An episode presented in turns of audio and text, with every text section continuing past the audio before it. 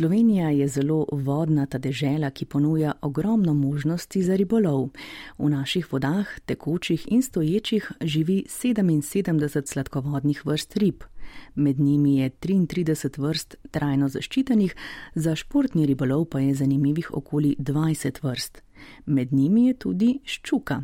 In v nedeljski reportaži se bomo odpravili ob ribnike opekarna vrhnika, kjer bomo skušali ujeti to ribo, ki slovi po svoji izmuzljivosti in agresivnosti, no pa tudi po odličnem vidu. A ribniki opekarna s svojimi zaraščenimi bregovi ponujajo tudi obilo mest, kjer se lahko ribič skrije in poskusi ščuko, ki pravijo tudi profesorica in kraljica sladke vode, pretentati in spraviti na suho. Ali je to uspelo avtorju Alešu Ogrinu in njegovemu sogovorniku Juretu Forlanu iz ribiške družine Vrhnika, boste izvedeli v nedeljski reportaži.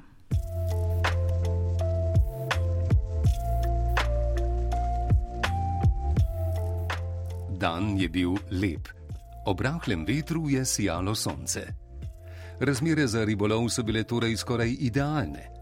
Najprej sva se s sogovornikom na parkirišču pri ribnikih opekarna vrhnika pripravila na lov in pritegnila kar nekaj pogledov. Ni nam reč običajno, da iz službenega avtomobila naše hiše gleda toliko ribiške opreme.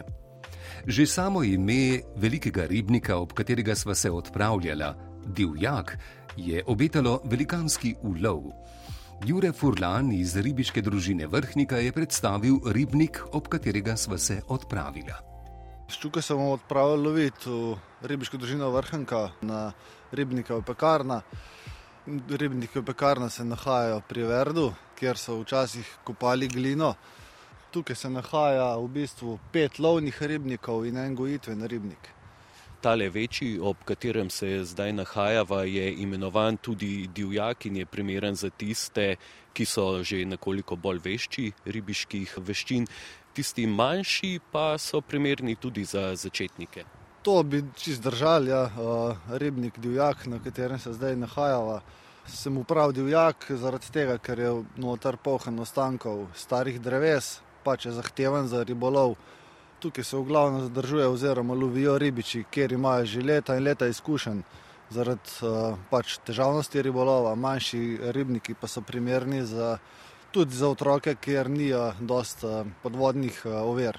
Kako velik pa je ta divjak in kakšne ribe se nahajajo v njem? Prva polovica divjaka, namreč divjak je sestavljen iz dveh jezer, je dolg 380 metrov in širok 180-190 metrov, druga polovica je nekoliko manjša. V njem se nahajajo ščuke, smuči, somi, krapi, amuri, ostal ribiški drobiš in to je to v bistvu. Male ribe oziroma ribiški drobiš naju seveda niso zanimale, krapi in somi tudi ne. Odpravila sva se v jed ščuko. To jezero je, po mojem mišljenju, idealno za ščuko, kajti ščuka rabi dost površine, v bistvu v njem se tudi nahaja dost ribiškega drobiža, kar je glavna hrana ščuke. Kot prej povedano, je v jezeru pohen vodnih over, kjer se ščuka rada zadržuje, da se skrije. Kako velike ščuke pa živijo v ribnikih opekarna? Prej, ko sva hodila sem do jezera, ste mi dejali, da ste nedolgo nazaj ujeli več kot meter dolgo. Drži, začetek junija oziroma konec maja sem ujel ščuko dolgo 116 cm. V ribnikih živijo pa tudi večje ščuke. Bila je opažena ščuka preko 120 cm, po nekaterih pričanjih naj bi imela tudi blizu 130 cm. Kakšen življenjski prostor pa ščuki najbolj ustreza in kje vse jo lahko lovite? Ščuko v ribiški družini vrhnika lahko lovimo po vseh ribnikih opekarna. V Ljubljanici, kjer se nahajajo tudi velike, ampak mnogo bolj rejene ščuke, kot v ribnikih opekarna. Najbolj pa odgovarja voda, v kateri se nahaja dosti over, tudi te podvodne trave, v glavnem teren, kjer se lahko riba skrije.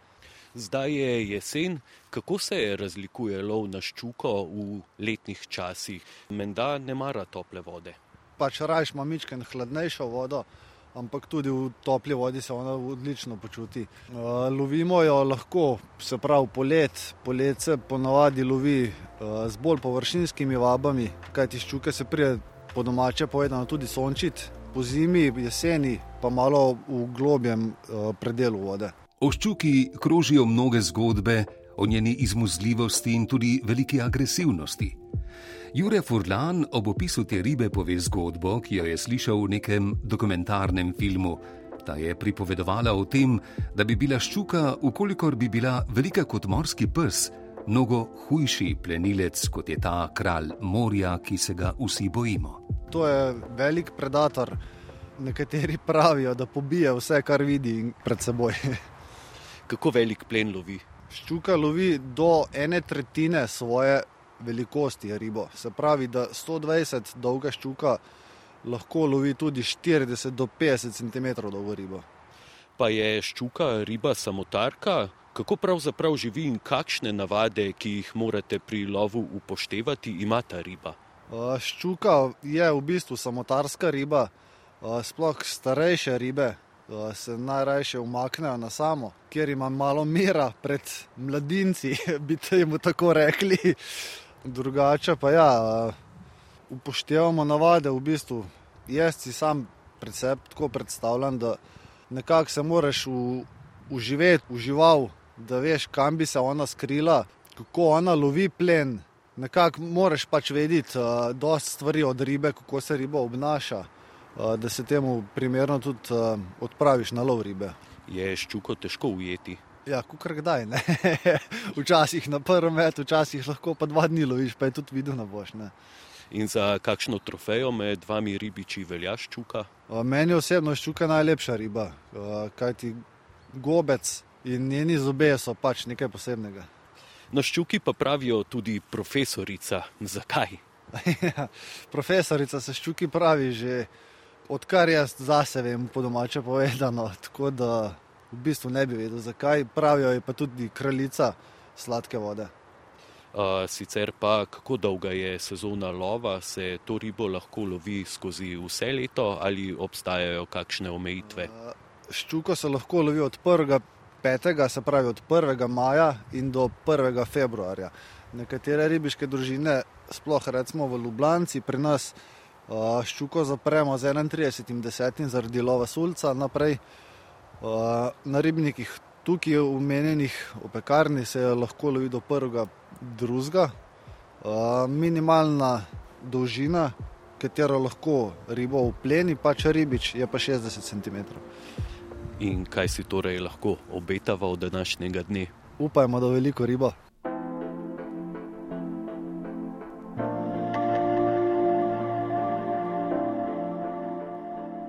Zdaj, ko smo spoznali osnove o ribi, je čas, da se preselimo ob vodo. Najprej pa je treba opraviti tudi z administrativnimi pravili in v ribolovno dovolilnico zapisati podatke o lovu. Pred vsakim začetkom ribolova upišemo datum, se pravi dan, ko gremo ribe loviti, upišemo v dovolilnico. Recimo današnji dan pišemo pod rubriko Ribnike v pekarna, dnevni ribolov upišemo oznako dela vode, se pravi ROV, se pravi ribnik je opekarna vijačenje, ker bomo lovili ščuko na način vijačenja in današnji datum. Upišete tudi morebitni ulov? Uh, jaz osebno ne, kaj ti 90% rib spustim, drugače pa se napiše ja, uh, v ribolovno dovolilnico ime ribe, težo in uh, število komadov. Izbira kraja, odkuder bomo začeli loviti, je seveda zelo pomembna. Bregovi ribnikov opekarna oziroma divjaka, ob katerega sva se odpravila, so precej zaraščeni, kar izbiro primernega mesta dodatno otežuje. A to pri lovu na ščuko niti ni slaba stvar. Pozornost pa je treba nameniti še kar nekaj drugim stvarem, in ob metu vabe v vodo sva upala, da čimprej zaslišiva zvok potega vrvice.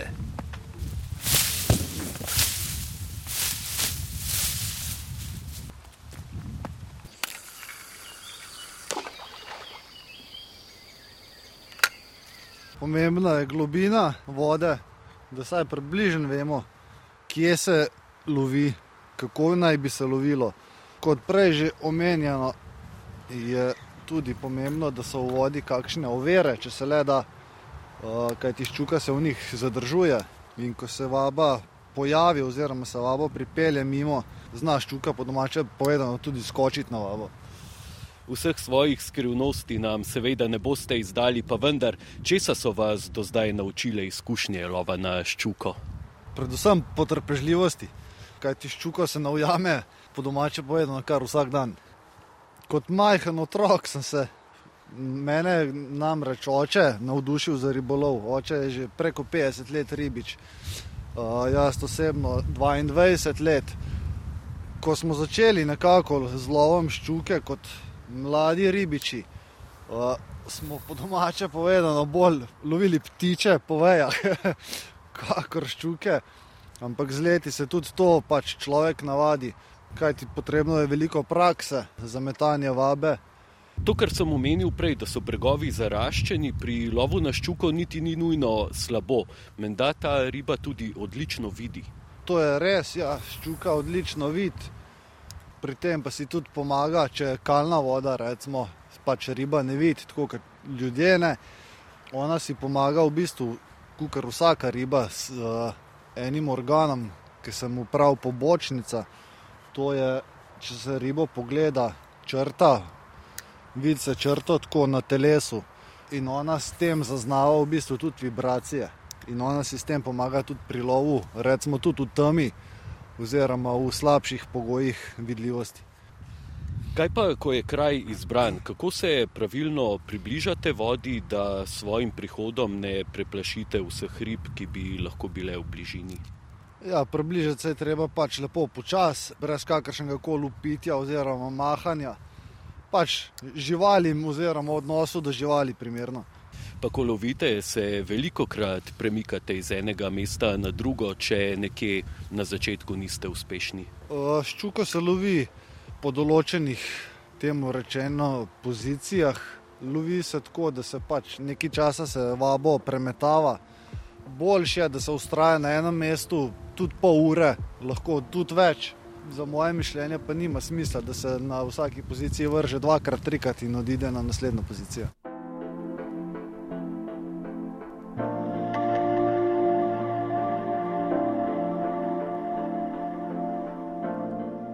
Res je, da se ščuka rada skrije v kakšne lokvanje, v kakšno travo, lovi zasedek. Najrajš ščuka, ona ne bo uporabljala te energije, ne bo utrošila po nepotrebnem.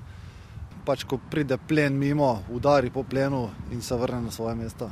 Kaj pa lahko izda, ki se skriva ščuka? Ščuka se doskrat tudi vidi, sam je treba malo bolj pogledati, ne na hiter. Ponavadi ona leži tako pod lokvani, da se tudi en del glave ali pa repa vidi, ampak, kot sem rekel, treba malo bolj pogledati, ne na hiter. Do tega trenutka sva z Juretom Furlanom iz ribiške družine Vrhnika opravila že precejšnje število metov vabe v vodo, a ščuka se nama je uspešno izogibala. Pri metanju vab je zelo pomemben občutek. Imeti moramo pripravljeno tudi strategijo lova.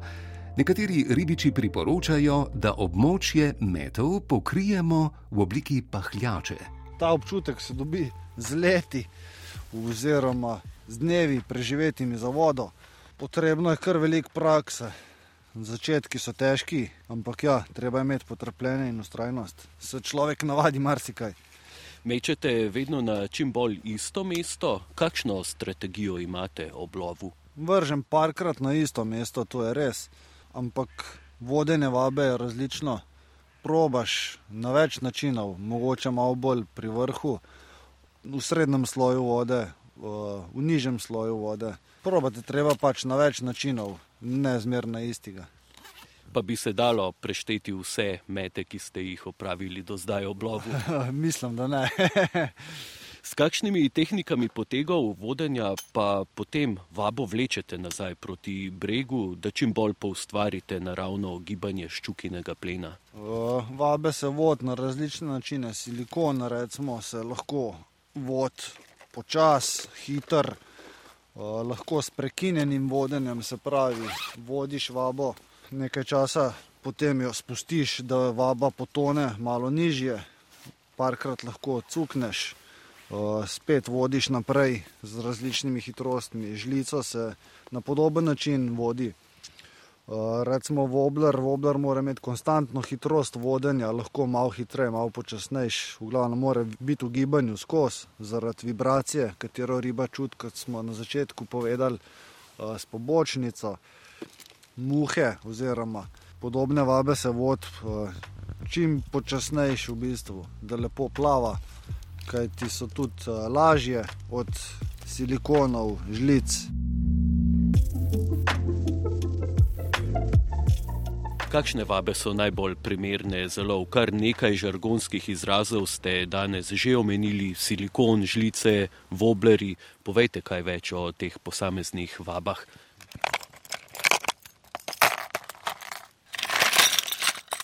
Se pravi, opisali bomo zdaj malo vabe, kakšne se uporablja za ščuko. Jaz osebno najrajš uporabljam vabo, kjer je, kar se da, najbolj približek naravnemu plenu ščuke, se pravi ribi, uporablja se silikone, katere lahko, tukaj vam lahko pokažem, se lahko trnek odstrani iz silikona in se da močnejši trnek oziroma z močnejšim svincem, da gre globje.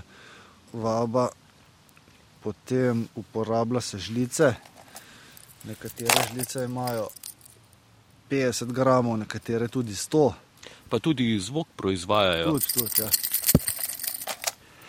uh, tukaj vidimo tudi muharsko potezanko, katera je sestavljena iz džig glave in nekakšnih bleščic, dlak. Ko se to zmoč, je čist drugače videti, kot na suhem. Potem naj bi predstavljalo pač ribo, katera plava. Vam bom tudi pol kasneje to pokazal, kako to gre. Uh, Potem imamo raz, razno razne silikone, od zelenih do svetlo, bel, mislim, čist belih s bleščicami, tega je na tone materijala, kakršen ga srce poželi, po domače povedano danes. Ali se ščuko kdaj lovi tudi na plovec, torej da vaba miruje, ali le na vijačenje, tako imenovani spinning, ko vabo po metu vlečete nazaj proti bregu? Ščuko se po dovoljenem načinu lovi samo na špining tehniko. V bistvu. uh, lov ščuke s plovcem je prepovedan. Sploh zaradi tega, ker doskrat ljudje dajo na plovec pod pretvezo, da lovijo krapa, na trnek nataknejo mrtvo ribo. Uh, ob tem pa, če pač pride do kontrole ribiškega čuvaja, znajo biti veliki problemi. No. Uh, sam sem tudi osebno ribiški čuvaj, sem naletel že tudi na to. Čeprav se oseba izdajala, da lovi krapa, mi nekako ribiška intuicija ni dala uh, mir in sem rekel, pač, da ne jih odstranja oziroma povleče ven uh, laks. Uh, pa smo na koncu gotovi, da je bila tudi mrtva riba gorja.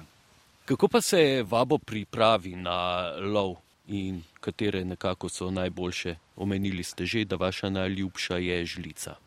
Moja najljubša vaba je žlica, res je. Vabo se pripravi, oziroma v trgovini jo kupite, že pripravljeno. Lahko se na vabo pač zamenja, se lahko trnke. Danes se tudi nekako že nekje tudi zahteva, da se lovi na enojčke, da so trojčki, se pravi trojni trnk, prepovedani v silikonih, pač se pa uporablja te ležik trnke, katerega se zapiči v silikon. Ti trnki so precej veliki, ne? Uh, ja, za ščuko so uporabljali kar malo večje trnke, ja. ker ščuka v bistvu tudi uh, del včasih, oziroma kar doskrat rada globoko požre tole ribiško vabo. pa pač riba je tudi malo močnejša in je treba imeti temu primerno tudi opremo oziroma trnke. In če ribe ne prijemljajo ali med lovom pogosto menjate vabe, tudi to verjetno lahko pripelje do ulova. Ja, se je že zgodilo, ja, ker smo lovili pač na določeni poziciji, pa smo premetavali, oziroma sem premetaval tudi pol ure, potem sem pa vabo, katere zdaj nažalost nimam sabo, predstavljal umetno miš. To se je zgodilo v bistvu en mesec nazaj, ko sem pač lovil ščuko pa sem vabo zamenjal, ker ni bilo uspeha in je na prvem metu v bistvu na isto pozicijo, ki sem že desetkrat vrgel, mi je prijela pač tako malo čez 60. Se pravi, vse mena vabe, ampak ja, jaz ponavadi ustrajam kar za eno. Cilj ribolova je seveda, da ribo potegnemo na kopno. A preden jo lahko primemo in zares rečemo, da smo jo ujeli, riba v vabo zagrize, temu pa sledi boj z njo.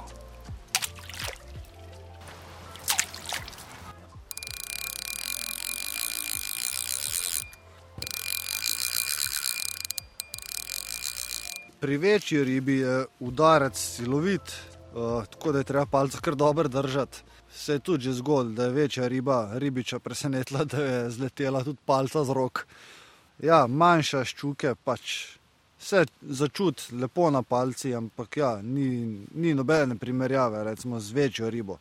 Prve dve minute, prve večji ribi so ključne, ponavadi tudi ribiči pravijo, če zdržiš ta prve dve minute, je riba nekako tvoja. Uh, se je pa tudi že zgodilo, ja, da se je pri uh, pospravljanju ribe v podmetalko riba odpela, ker se je trnki zapel v mrežo, pa je riba šla.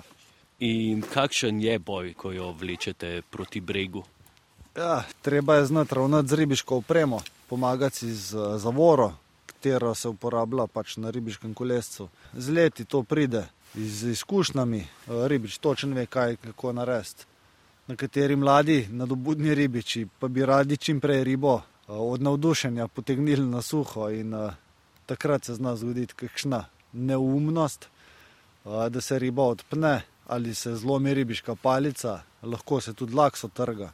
Živ človek marsikaj vidi za vodo.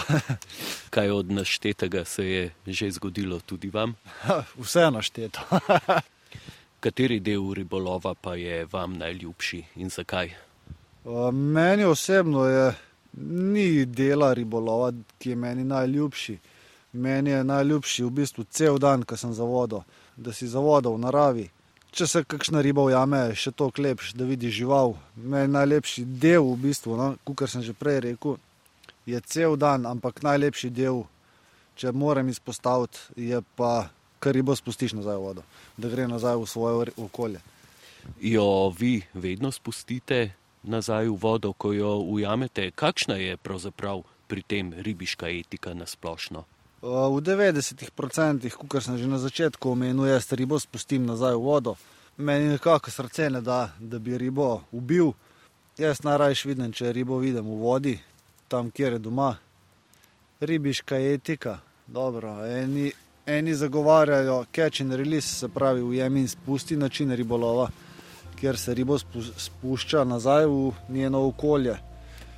Nekateri pač ribo tudi vzamejo, kar jim tudi pripada. Uh, ni nikjer napisano, da se ribe ne sme vzeti. Obstajajo tudi norme letne, koliko rib se lahko vzame. Seveda se pa najdejo tudi nekateri, ki bi vse, kar ujamejo, najraje domov odnesli.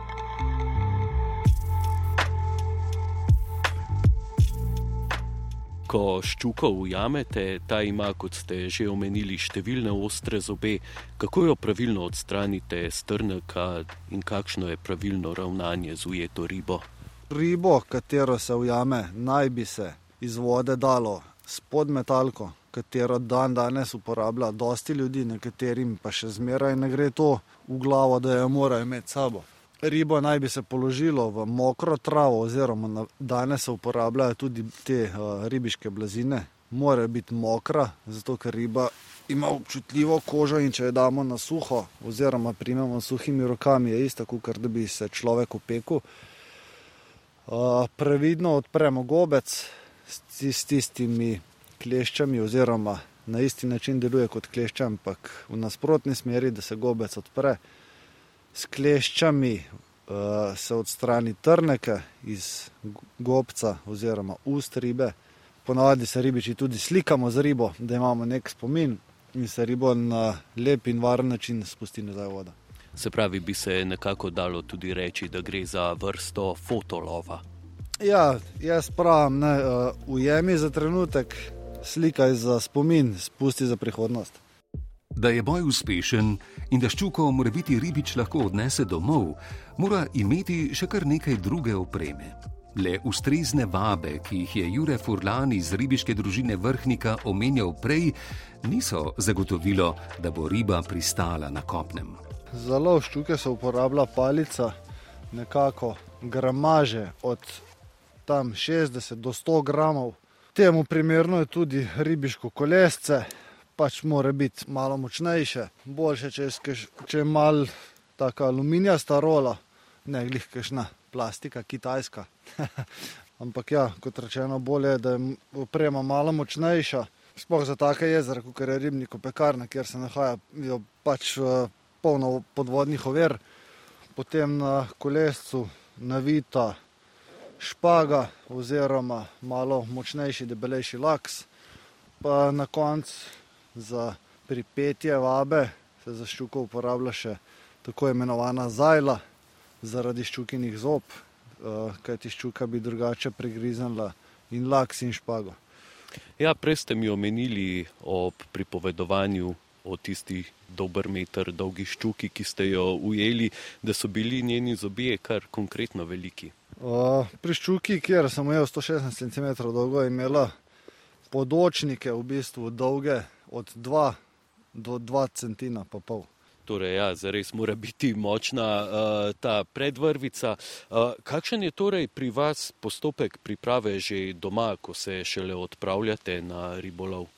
Doma vzamem palco za lov ščuke oziroma sulca. Podobne so te palce oziroma za sulca še malo močnejše. Si vzamem palico, uh, potem vabe, to si dam v torbo za okoli pasu, v kateri mora biti tudi klešče za odpenjanje ribe. Potem... Ja, če mi kar malo predstavite vsebino te torbe, poglejva, kaj je vse notri. V torbi je v bistvu mora biti klešče noter, da se riba odpne. Na isti sistem, ampak kontra, kukar klešče, se pravi nekako odpirač gobca ščuke, kaj ti ščuke, ko plen zagrabi, ga ne spusti zlepa. Uh, tukaj imamo še tele, uh, tele zajlice, kjer so, recimo, tele zdržijo 16 kg, imaš tudi močnejše. Uh, potem kakšne škare ne bojo odveč nikoli, tele specifične škare so zarezati špago oziroma za tele trnke gor dajati, ki so na obročkih, tole se lahko pač tako tudi vidi, da se trnk odpne, se da na razen tale obroček, na kjer ga je trnk prpet. Potem tle noter v te plastični škatli so vabe, katerih za v tako zahtevno vodo, ker je ribnik v pekarna, ne sme manjkati, ker če boste šli z eno vabo loviti, boste hitro doma. Za ščuko se uporablja, oziroma je tudi del obvezne opreme, podmetalka, potem je treba imeti tudi meter s seboj, to je pa nekako tudi vse. No? Pa en kup dobre volje treba imeti za vodo. Kot je omenil naš sogovornik, se v ribniku opekarna nahaja polno podvodnih ovir, kar pomeni, da se vaba vanje lahko tudi zapne. In tudi nama se je med lovom. Izgubila sva tri. Reševanje vabe se sliši tako, vabo pa je po neuspelih poskusih potegov na kopno treba nadomestiti z novo.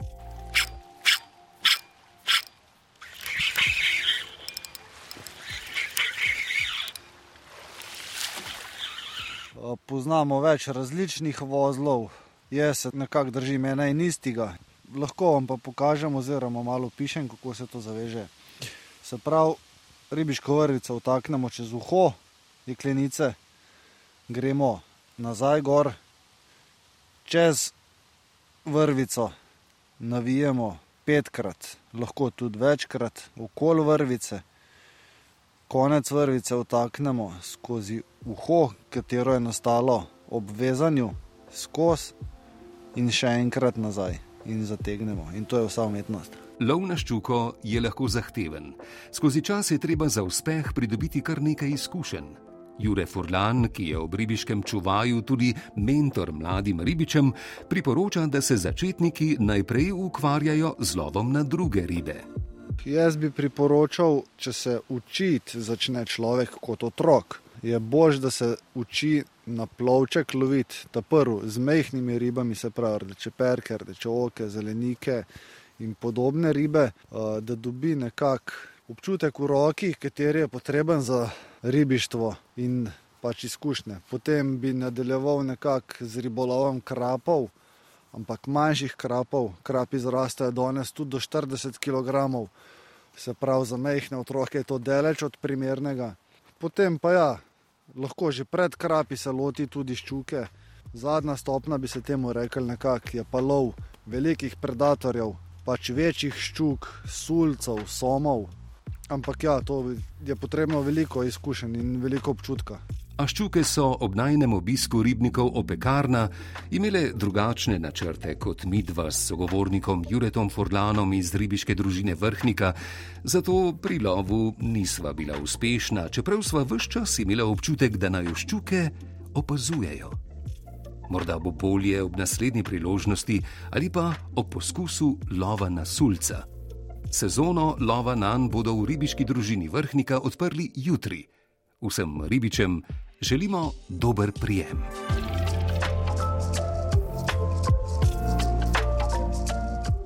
Oddajo Nedeljska reportaža smo pripravili tonski mojster Marko Krebs, bralec Igor Velše in avtor Aleš Ogrin.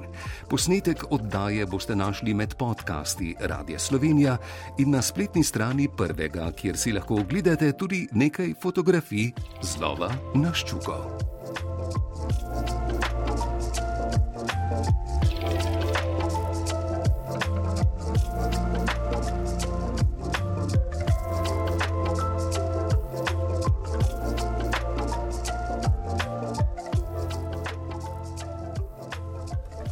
Poslušali ste nedeljsko reportažo, v kateri sta se Aleš Ogrin in Jure Forlan iz ribiške družine Vrhnika trudila ujeti ščuko, a ima žal, kot smo slišali, to ni uspelo.